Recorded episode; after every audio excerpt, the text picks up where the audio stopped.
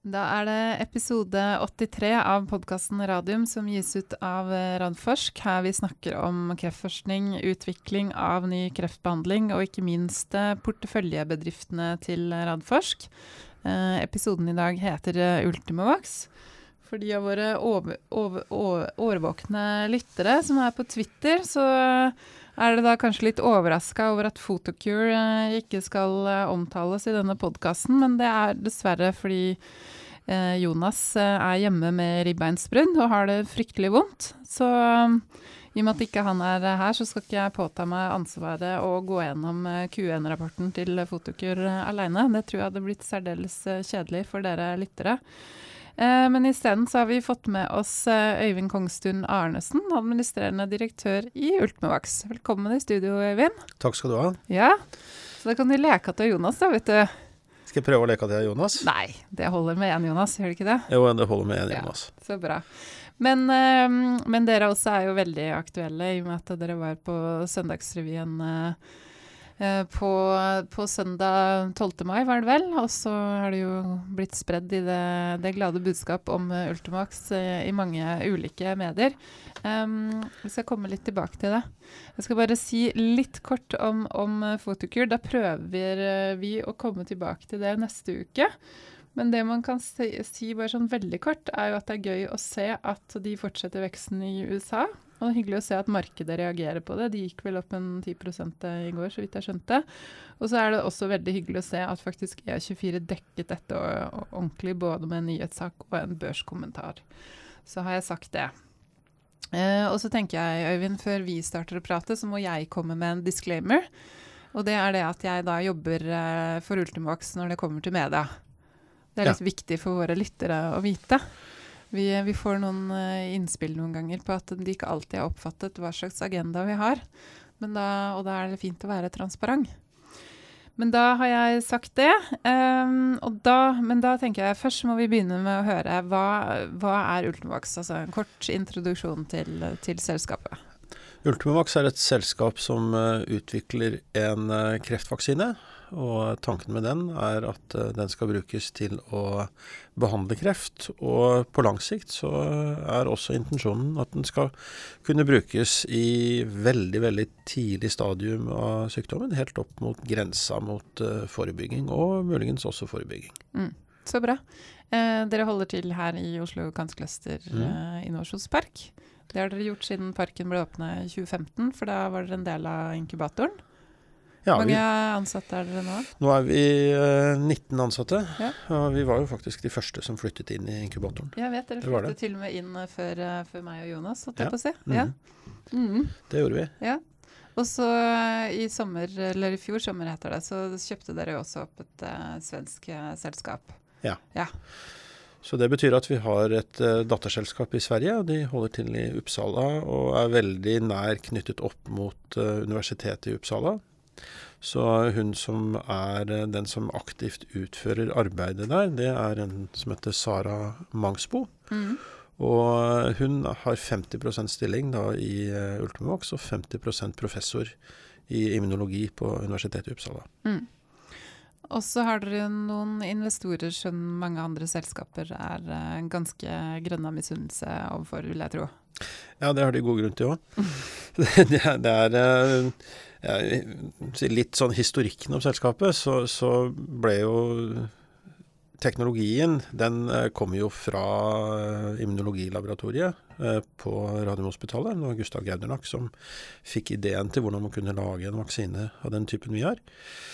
Og så ble det bestemt at man skulle prøve å kommersialisere det. Man skulle prøve å få dette ut som en medisinsk behandling. Og da dukket Bjørn Rune Gjelsten opp, og han var egentlig på jakt etter å gi en donasjon, fordi faren hans hadde kreft, og han hadde fått veldig god hjelp og støtte og behandling eh, på Radiumhospitalet med nye eksperimentelle immunterapier, og, og det hadde god effekt for han.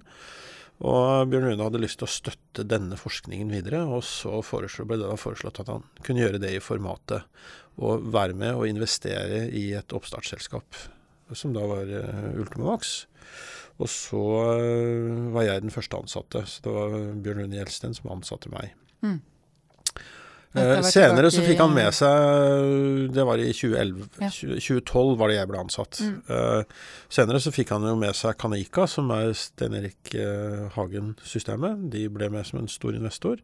Uh, og så kom Sundt med, og de er også en meget stor investor. Og så kom Anders Wilhelmsen-familien med. og disse store aksjonærene, de har vært ikke bare har de investert mye, men de er jo særdeles profesjonelle på det å starte og drifte et selskap og, og gjøre det skikkelig ordentlig. Mm. Så de har vært en Og god moralsk støtte. Mm.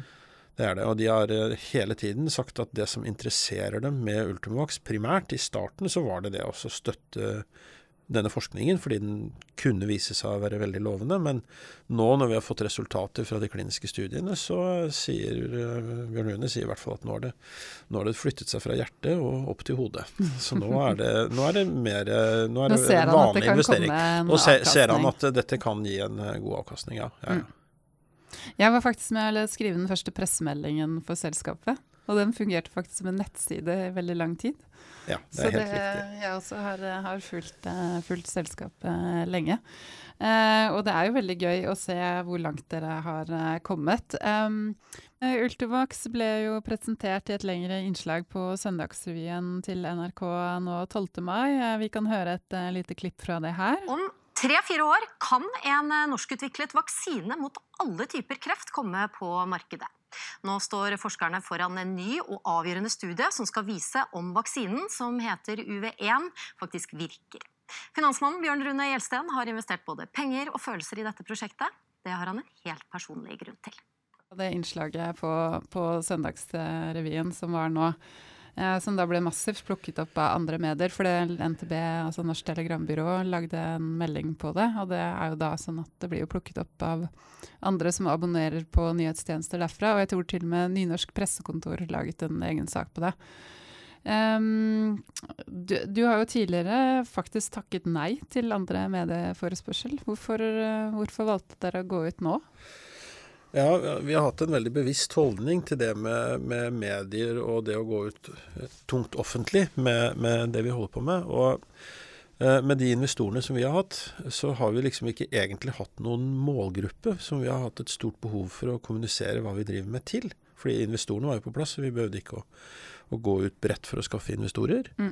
Eh, og så er jeg veldig bekymret for å gå ut med å, å hype lovende resultater og blåse det opp i, i medier generelt. For det skaper veldig mye forventninger hos pasienter og blant helsepersonell som tror at nå kommer det en uh, ny behandling rett rundt hjørnet som er norsk, og sånn, og det har jo ikke vært riktig.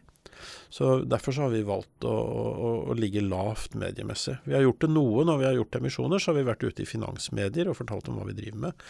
Eh, sånn, men ellers så har vi uh, ligget lavt. Men nå er vi i en situasjon hvor vi har uh, veldig lovende resultater fra de kliniske studiene vi har gjort. Jeg bruker uttrykket at vi har signaler. og Dvs. Si at vi ser at det går veldig mye bedre med de pasientene som har fått vaksine enn de som ikke har fått det. Men det er ikke mange nok til at man kan bruke det som en dokumentasjon på at vaksinen virker.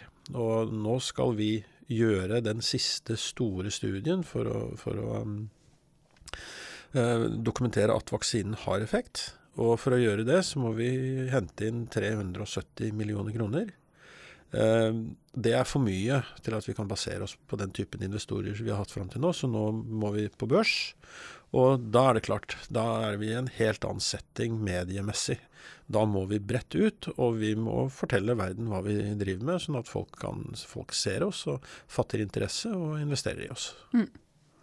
370 millioner kroner, hvordan er det å hente inn i det markedet som er nå? Det er meget tungt. Det er helt generelt, det har ikke noe med selskapet å gjøre. Det er bare et veldig veldig tørt marked. Det er få som investerer i noe som helst, og det har vært flere børsnoteringer som har vært avlyst innenfor mange bransjer. Mm. Det er et, rett og slett et veldig veldig vanskelig marked å, mm. å operere i og mm. skulle hente inn penger fra. Ja.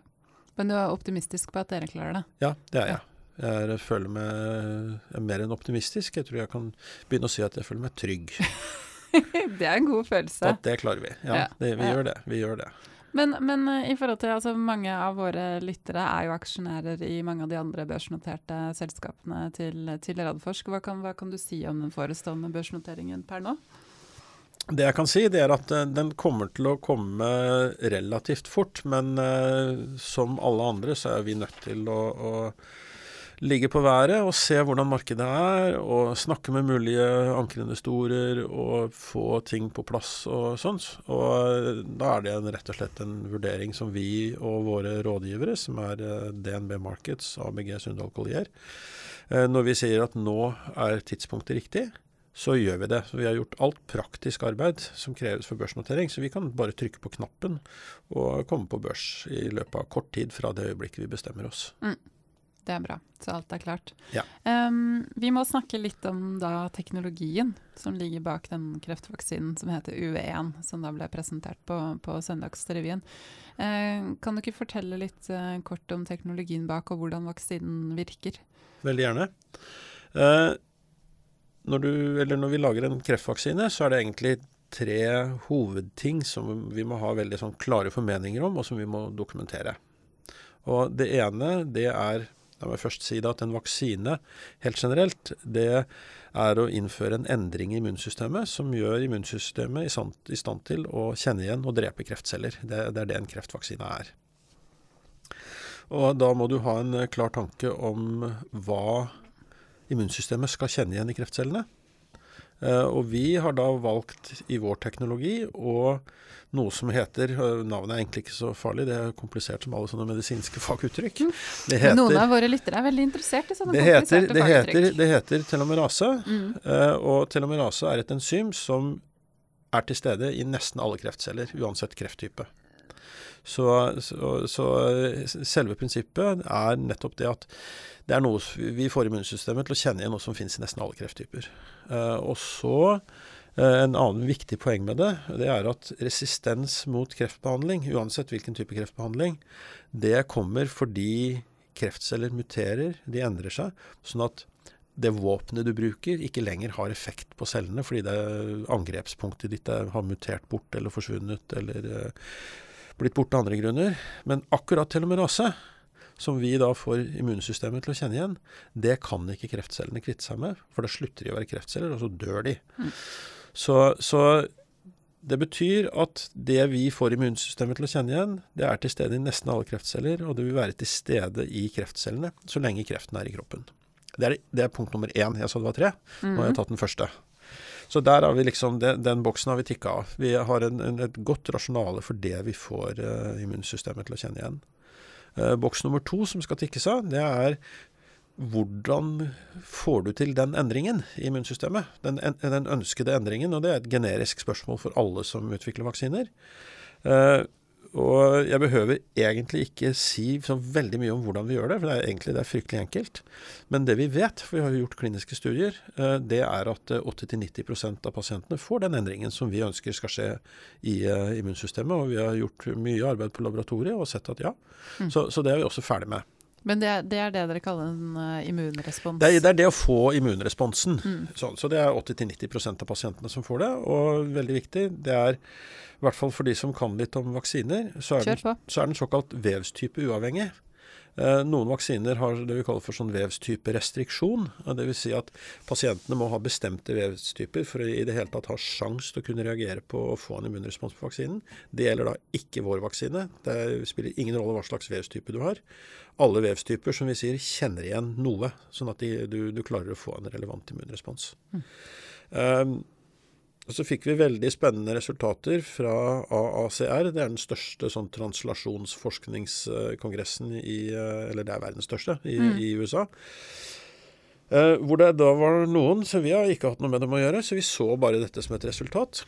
Men det har jo vært veldig mye snakk om dette her med T-hjelpeceller og til drepeceller, og hva er mest fornuftig og sånn. Og svaret det er nok begge deler. Du må ha begge deler. Mm. Men uh, hva er det du skal få en vaksine til å produsere? Er det drepeceller eller hjelpeceller? Det er et annet spørsmål. Og Det noen hadde gjort i Frankrike, det var at de hadde tatt for seg blodprøver fra pasienter med ikke-småcellet eh, lungekreft, og så hadde de sett hva slags celletyper har de spontant, altså fra naturens side, de det går best med.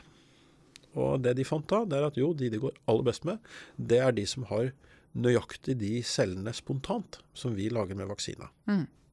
Det har vi ikke visst før, og for oss så var jo den en sånn validering at det er, ikke, det er ikke bare vi som har gjort det, men kreftsykdom og utvikling i kroppen gjør at hvis pasientene spontant lager de samme cellene som vi lager med vaksina, så går det veldig mye bedre med dem mm. enn, uh, enn hvis de ikke har fått sånne celler. Så og vi har jo sett det også når vi, vi uh, har på de pasientene vi har. når Vi, vi tar jo en blodprøve før vi vaksinerer dem. Og så vaksinerer vi, og så tar vi ny blodprøve etterpå, og så ser vi om de har fått disse cellene. Men vi har sett at ca. 10% av pasientene i vår studie, så hadde pasientene disse CD4 til hjelpecellene som vi prøver å skape, de hadde dem allerede før vi hadde vaksinert dem. Så Det, og så har vi da selvfølgelig sjekka om disse fins hos uh, mennesker som ikke har kreft. Og det gjør de ikke. Det er ingen mennesker som ikke har kreft, hvor vi har klart å finne de cellene. Mm. Så det å få sånne celler, det er kropp Hos noen pasienter så er det kroppens spontane reaksjon på det å ha kreft. Og hvis kroppen har den spontane reaksjonen, så går det veldig bra med dem. Mm. Og de andre kan få vaksine. Jeg tror bare du skal ta mikrofonen litt nærmere, sånn. så vi faktisk hører det, det fornuftige du skulle si. Ja. Og så, hadde så du punkt tre, hadde du ikke det? Boks tre. Mm -hmm. Og det er da, ja, og når man har klart å skape disse eh, hjelpecellene, gjør det noe bra for pasienten? Blir pasienten bedre av det, og har pasienten noe nytte av å ha de cellene i kroppen? Og det vi vet om det, det er jo det vi har observert i de kliniske studiene som vi har gjort. Uh, og skal jeg ta hver av studiene og forklare veldig kort ja. hva vi har sett? Gjør det. Uh, første studien uh, vi gjorde, det var i prostatakreft. Og de pasientene som ble med i den studien, de, hadde, de var nydiagnostiserte. Og de hadde spredning til skjelett og lymfeknute, eller bare lymfeknute. Altså og, og eller skjelett og, og lymfeknute. Det var 22 pasienter. Uh, nå har vi fulgt dem i snart fem år. Mm. Det vi vet nå, det er at åtte av de 22 er helt kreftfrie. Mm. Det er ikke mulig å se noen ting på bilder, og de har helt normal PSA. Men nå må vi si det, at de har jo selvfølgelig fått standardbehandling, og det er uh, sånn antiandrogenbehandling. Uh, og det er en veldig god behandling. Så du, det, åtte, det høres jo veldig fint ut, men vi kan ikke liksom påstå at det skyldes vaksina, for de har fått den andre behandlingen. Så, men det er et signal. Ja, Sånn vitenskapelig sett så kan ja. man jo ikke vite om det er det ene eller andre eller kombinasjonen. Så, nei, ja. nei, ikke sant? Så, så, så det er, men det er et signal. Mm. Uh, så har vi gjort en studie i ikke-småcellet uh, lungekreft. Uh, og det var veldig syke pasienter. De hadde fått all mulig tilgjengelig behandling før de kom inn i studien. Og de var altså du, Ordet 'gitt opp' er veldig, egentlig ikke riktig, men de skulle ikke få noen mer aktiv behandling i den hensikt å fjerne svulster og sånn. Det var ikke noe annen behandling Nei, å tilby? rett og slett? Det var ikke mer ja. behandling mm. å tilby. Uh, det var 18 av de pasientene. og Uh, også fulgt i fire år, fire og et halvt år nå. Uh, så, og det, der, det er at de da hadde det vi for, kaller for sånn progresjonsfri overlevelse. Det er egentlig bare et fint ord for hvor langt de uh, gikk det før de ble dårligere og svulstene vokste. Mm. hos oss så var det da tok det 28 måneder. og normalt for sjekkpunkthemmere i monoterapi Sjekkpunkthemmere er jo disse immunterapiene som nå nylig ble godkjent og brukt, de ligger på 13. Ja. Okay. Så det er også en, en, betydelig en forbedring. Men det er, det, er, det er, et lavt tall. Ja. Vi snakker om 18 pasienter. Mm. Eh, også veldig positivt er at syv av de 18 pasientene er i live, og de har det bra. Mm. Så det er også et veldig godt signal fra, om, uh, om vaksinen. Eh, den tredje studien den er i uh, føflekkreft. og Der gjorde vi studie i kombinasjon med Jervoi, dette første immunterapipreparatet som kom i 2011. Mm. Og Det har vi nå også holdt uh, fullt i uh, fire år. Uh, og det vi ser der, det er at tolv pasienter, så er treårsoverlevelsen for dem det er åtte. så det er 75 mm. treårsoverlevelse. Og en av de pasientene har, er i eh, det vi kaller for komplett remisjon. Dvs. Si at alt av svulst er borte. Så det er en pasient som da er blitt helt frisk. Mm, der finner man ikke noe kreftceller? Nei, Nei, det er ikke noe mer kreft igjen å se. Eller mm. man kan se det, og så tar man biopsi av det, så er det arrvev og immunceller, og ikke mm. noen kreftceller i biopsien.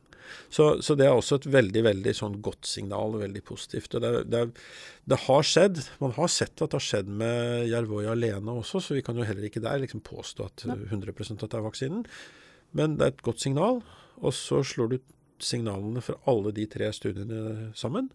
Så er det det vi vet om hvor, hva vaksinen kan gjøre for pasienter mm. per i dag.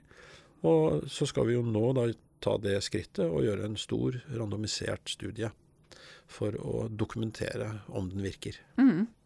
Jeg skal spørre deg om det kliniske løpet, men jeg tenker før det, for vi fikk inn, fikk inn spørsmål på, på, Twitter som jeg tenker vi skal ta først nå, for det henger litt sammen med den, den forklaringen du hadde her nå på, på eh, vaksinen og, og effekt. Uh, og spørsmålet er da, Forstår jeg det riktig at denne vaksinen tar alt av kreft? Med andre ord gjør, gjør alle andre kreftselskaper verdiløse.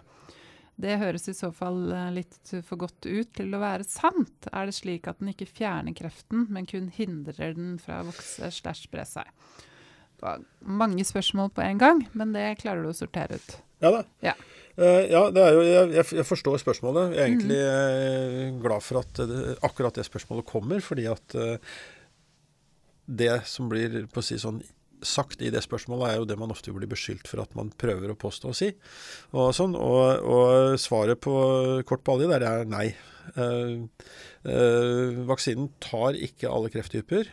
Og det som er spesielt med immunterapi, det er at god effekt av immunterapi, det forutsetter kombinasjoner, smarte kombinasjoner av flere forskjellige behandlingsprinsipper som har det til felles at de innfører endringer i immunsystemet. Så du, du, du, er avhengig av ikke bare å gjøre én endring, men du må gjøre mange forskjellige endringer i immunsystemet. Og da er jo det som er viktig, det er at man må ha så stor kunnskap om interaksjonen mellom immunsystem og kreft at man har en forutsetning for å forstå hvilke endringer det er som kan gi hvilke effekter. Og det er vi jo kommet veldig langt på. Uh, og for de som så Dagsrevy-reportasjen, så, så, jeg kan jo gjenta sånn kort ja. der, for det illustrerer akkurat det jeg sier nå. Mm. Det er at det oppstår kreftlignende celler i kroppen mange ganger hver dag. Og det er jo ekstremt sjelden at det fører til eh, kreftsykdom.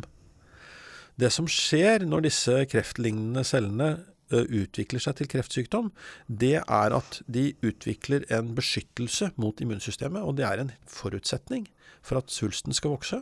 Hvis ikke den har beskyttelse mot immunsystemet, så blir den tatt og blir borte. Mm. Uh, og da brukte vi et sånt bildeuttrykk. Vi sier at det blir et skjold rundt. Det er et bildelig uttrykk, men det er helt dekkende. Mm. Disse immunterapipreparatene som nå er i bruk på norske sykehus, og som er godkjent, eh, det de gjør, er at de tar bort det skjoldet. Og Det betyr at da kan immunsystemet igjen klare å få grep på svulsten, og hos ca. halvparten av pasientene så er det akkurat det som skjer. Men når du tar bort skjoldet, og hvis du da skal skje noe bra for pasienten, så må pasienten spontant og helt av seg selv ha fått en kraftig nok og relevant aktivering av immunsystemet, sånn at immunsystemet er i stand til å fjerne den svulsten. Mm. Hvis immunsystemet ikke er det spontant hos pasienten, så skjer det ingenting når du tar bort det skjoldet. Mm. Og det er her vaksinen kommer inn. De som da ikke har eh, et eh, nok fart på immunsystemet til å fjerne svulsten når skjoldet er fjernet, de trenger hjelp av en vaksine. Og Da er det veldig viktig å forstå det at disse sjekkpunkthemmerne eh, de er helt generelle. Altså, de er uavhengig av krefttype. De mm. angriper jo ikke kreften. De gjør endringer i immunsystemet. Mm. Og Sånn er vår vaksine også. Den er like generell som disse skjenkpunkthemmerne. Sånn at det er ikke sånn at de alle andre selskaper blir verdiløse. Og ja, det er ikke inn, hvis vi, bare hvis vi holder oss til Norge, eh, så er det ikke ett eneste selskap i Norge som driver og utvikler kreftbehandling, hvor jeg ikke kan se at eh, det hadde vært et godt rasjonale å samarbeide og kombinere med dem. Mm. Det gjelder alle. Mm. Og mange av de gjør det jo også. Og mange av de gjør det også. Ja. Eh, så bra. Men da tenker jeg du må fortelle litt mer om det, det kliniske løpet som dere nå skal i, i gang med. Hvordan, ja. ser hvordan, ser det, ut sånn som dere har planlagt nå? Vi skal gjøre en studie med 154 pasienter med ondartet føflekkreft med spredning, og så stor grad av spredning at de ikke kan opereres. Det er den mest alvorlige diagnosen for en føflekkreftpasient. Eh, halvparten av dem skal få standard immunterapi som begynner å komme nå, og det er en kombinasjon av to eh, immunterapipreparater. Mm. Det ene det er eh, Yervoy, og det andre det er Optivo. Og da kan jeg hive inn på for de spesielt interesserte. Det er da en CTLA4-hemmer, og så er det en PD1-hemmer ja. som kombineres. Så det er standardbehandling? Det, det, det, er standardbehandling nå, begynner å, begynner å bli det i Norge. Mm. Uh, og i mange steder ellers i verden også begynner det å bli standardbehandlingen. Mm. Den andre halvparten av pasientene skal få akkurat det samme, pluss vaksine. Ja. Så dette er en randomisert uh, studie? Dette er en randomisert studie, ja. og den er såkalt uh, endepunktdrevet. Dvs. Si, uh, vi følger pasientene til 70 av dem har fått en forverring av sykdommen. Da bryter vi koden. Da går vi inn og ser hvem som var i hvilke grupper, og så ser vi da hvordan er vaksine eller ikke-vaksine fordelt mellom de 70. Mm. Og da, Derfor er det ren matte å regne ut uh, sannsynligheten for at det du ser er tilfeldigheter, eller om vaksina virker. Men da, der må vi stoppe litt. For det betyr at hvem vet, uh, hvem vet om uh, hvem, hvilke av pasientene som får hvilke behandling? Ja, De eneste som vet det, det er en såkalt uavhengig sikkerhetskomité. Ja, Så legen vet ikke, og ikke pasienten? Nei. Er det det man kaller altså, dobbeltblind Ja, men da må du ja. Nei, det er ikke sikkert nei. vi gidder å Det er nødvendig å blinde den. For det du er redd for der, det er at du skal få en placeboeffekt. Ja. Og det begynner egentlig å bli litt sånn innenfor når man utvikler kreftmedisiner, at at man har skjønt at placeboeffekt i kreftbehandling er, er, så liten at man ikke behøver å ta hensyn til det. Ja, ok. Mm, ja, det, det, det, er det. Mm. Men i det store tallmaterialet så er det ikke eh, så farlig. Men, Men de som det man må passe på, det er at de som skal sitte og vurdere såkalte endepunkter, de som skal sitte og se på CT-bildene av svulstene, de vet ikke om dette er en pasient som har fått vaksine eller eh, ikke. Men utprøveren og sykepleierne som håndterer pasientene i studien, de, de vet jo. Mm. De, de, de, har full styring på det. Ja. Men det er ikke behov for å Da må vi lage placebovaksine og stikke ja, folk uten at det er behov for det. Og, ja. sånn. Så det, det, det, det, kommer vi nok ikke til å gjøre. Mm. Det er ikke behov for det heller. Folk driver ikke og tenker bort svulstene sine. Det gjør det virkelig ikke. Nei. Uavhengig av hva nei, noen nei. i alternativbransjen måtte Men det er veldig for å unngå bias, akkurat det jeg mm. sier, det er at de som tolker bildene, de som de som sitter og tolker og, og skaffer oss endepunktdataene våre, de er blinde. Og de ja. må være blinde. Ja. Og dere som firma vet jo selvfølgelig vi ikke, ingenting. Vi, vi vet dere er ingenting. på en lang, lang armlengdes uh, vei unna. Ja, det er, og det er kjempeviktig. Altså, ja. jeg vil ikke vite noe. Nei. Um, hvilke steder tenker dere at den studien skal gå, eller hva er på planleggingsstadiet? Uh, har, den skal gå i Norge mm. og i Europa og i eh, USA. Ja. Og kanskje Australia. Ja. ja. Så vi ligger på sånn 30-35 sykehus spredt rundt i verden. Mm. Men å skyte inn da at eh, vi er jo allerede i gang i USA. Vi har fase 1-studien for denne, som bare ser på om det er eh, trygt med disse kombinasjonene. Den studien er jo i gang i USA, og den går i USA. Så vi har jo allerede en sånn FDA-godkjenning på å bruke vaksiner til kliniske studier i USA. Mm. Og sånn, så vi er, vi er kommet langt på vei med med det. Og vi er i dialog med FDA. Ja. Så bra. Eh, vi har fått inn eh, et spørsmål som går nettopp på det kliniske løpet, så jeg tenker vi tar, det nå. Eh, det var også på Twitter hvor det var en kommentar 'spennende selskap og teknologi'. Men litt rart at de gjør forsøk i bare én indikasjon, hvis den har potensial til å være en universell kreftvaksine. Men flere forsøk kommer kanskje? Ja, øh, ja flere forsøk kommer eh, kanskje. Mm. Eh, grunnen til at vi gjør det i bare én krefttype, det er at disse studiene er jo såpass store. Ikke sant? Denne vi gjør nå, 154 pasienter. Og sånn tommelfingerregler, så kan du si at en pasient i en sånn studie koster ca. 1 million. Og hvis du må betale for eh, alt av medikamenter, så kan du komme opp i mange hundre millioner kroner for en sånn studie. Og det er helt urealistisk at et selskap som vårt lager en utviklingsplan som uh, ville koste en uh, milliard. Aldri, de pengene klarer du aldri å hente. Mm. Så, så, det er rett og slett et kostnadsspørsmål.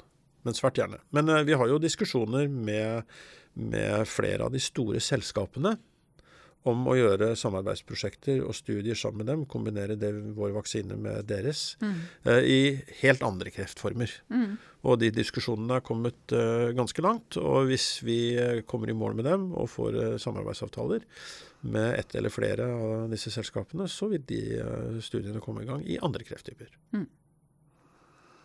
Eh, så bra. Eh, innslaget på, på NRK så sier, eh, sier du, og vel også Jonas, at eh, vaksinen kan være på markedet om tre-fire år.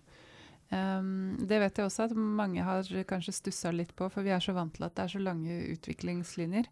Er det, er det liksom en realistisk antakelse, eller er det en sånn positiv antakelse? Nei, det, altså det eh, skal legge veldig nøye merke til ordet 'kan'. Ja. kan Nei. pleier å være et Ja, nei, men jeg kan forklare helt Det, det er helt eh, lett å forstå hvordan det henger sammen. Eh, hvis resultatene fra den studien vi gjør nå, og den har vi jo, de resultatene får vi jo i eh, 2022, midt i 2022 eh, Hvis de resultatene er veldig gode, la oss si at det er eh, eh, 10 av de 70 som har fått forverring av sykdommen som har fått vaksine, og 60 som ikke har fått det, så er det et resultat som er så sterkt at uh, da kan vi gå til myndighetene og søke om uh, markedsføringsgodkjenning av vaksina. Så ved et ekstremt godt resultat, så, så kan det være sånn. Mm. Men det er jo min erfaring fra denne bransjen, den er jo når man snakker med investorer, um, så er det en sånn rar psykologisk mekanisme som trer inn. Og det er at hvis vi sier at vi håper på noe, så blir det i løpet av veldig kort tid til en forventning hos investorene. Så derfor er det også litt sånn grunn til at vi ikke vil eh, gå for mye ut med det, så, og gå for hardt ut med det, så sier kan være på markedet så, så fort, men jeg vil ikke si at det er veldig sannsynlig. Det vil jeg ikke. Nei. Det kan hende vi må gjøre en studie til, eller det kan hende at vi får en såkalt betinget godkjenning, altså Mm. som sier at ja, dere kan få lov å begynne å selge vaksina nå, men dere må gjøre den og den studien i løpet av de neste tre-fire årene for å få en endelig godkjenning. Det er også en, også en mulighet. Så tre-fire år er på en måte en, en eh, best case, og så tar man det derfra. Ja. Ja, rett og slett. Ja, for det er mye ting, ting som kan skje. Plutselig tar det litt lengre tid å rekruttere, og det er eh, Ja. Ja, det kan skje. Nå vil jeg si at vi har en uh, veldig god track record på å følge de planene vi legger. Ja, så bra. Mm. Mm. Um, ja, til slutt um, ja, Jeg tror mange som så det innslaget på, på Søndagsrevyen, ehm, ble, ble, ble veldig berørt av, eh, av det Bjørn Rune sa, og hans en måte engasjement i selskapet. og Også hans personlige historie, selvfølgelig, med, med, med faren sin. Um, hva, hva har det betydd, og betyr det å ha backing fra, fra en sånn type investor og finansmann som Bjørn Rune? Det betyr jo veldig mye. Også for at eh, Jeg kan jo si Jeg kan referere den første samtalen mellom uh, Bjørn Rune Gjelsten og meg. Og sånn, Da han spurte meg om jeg ville ta jobben, og sånn, så, det, så sa jeg satte vi oss ned, og så ser jeg det før vi liksom begynner å diskutere meg og, og sånt, og så er det én ting jeg må vite, og det er um, hvorfor du som en fornuftig investor og, og må huske at dette var Da hadde vi tre peptider på et glass og en, eh, en relativt fast idé om hva de kunne gjøre. og Der sto vi, og, ikke sant? og da er risikoen kjempehøy. Mm. Den er jo redusert betydelig nå når vi ser, har de resultatene vi har. Mm. Men den gangen var det kjempehøy. og sånn, Så jeg sa til Bjørn Rune hvorfor, hvorfor har du, som er kjent for å være en klok og fornuftig investor, eh, putter så mye penger inn i dette med en sånn 90 pluss sannsynlighet for at du taper alt? Og så svarte han tilbake, og så sa han eh, før jeg svarer på det, så må du fortelle meg hvorfor du i det hele tatt eh, sitter her og snakker med meg. uh, og da, da sa jeg det. Jo, jeg skjønner jo teknologien. Jeg skjønner jo tanken bak det, og jeg skjønner hva hypotesen er. Og sånt noe. Og for meg så er det sånn at hvis dette lykkes bare litt, så, så eh, er det en sensasjon. Selv om det bare er en liten effekt, så er, så, er dette, så er dette stort. Og hvis jeg ble bedt om å lede dette, og sa nei, og det der lykkes, så kommer jeg jo til å angre resten av livet. Og da så hun rundt meg, og så sa han akkurat. Det er samme her. Ja, ikke sant? Så sånn er det. Så den motivasjonen, og den har jo vært der, og den har jo gjennomsyret samarbeidet. Og, og, og, og hvordan eh, styret har forholdt seg til uh, administrasjonen og sånn. Og det har en, vi har vært kjempeheldige. Det har vi. Så bra. Um, jeg tror uh, egentlig bare gjenstår å si uh, lykke til videre. Og så blir det spennende å se resultater når de kommer etter hvert. Det tar, tar jo litt tid nå, da. Ja, men Ja. Si, det kan du si, det. Ja. det er vi som har nå holdt på med dette her i sju år og har kommet så langt som vi er. Det er klart Vi er jo vi er eh, ekstremt spent på resultatet, vi også. Men eh, helt åpen jeg sier som Bjørn Rune sa på Dagsrevyen, vi har absolutt trua. Ja, så bra. Takk for at du kom, Eivind. Takk for at jeg fikk komme.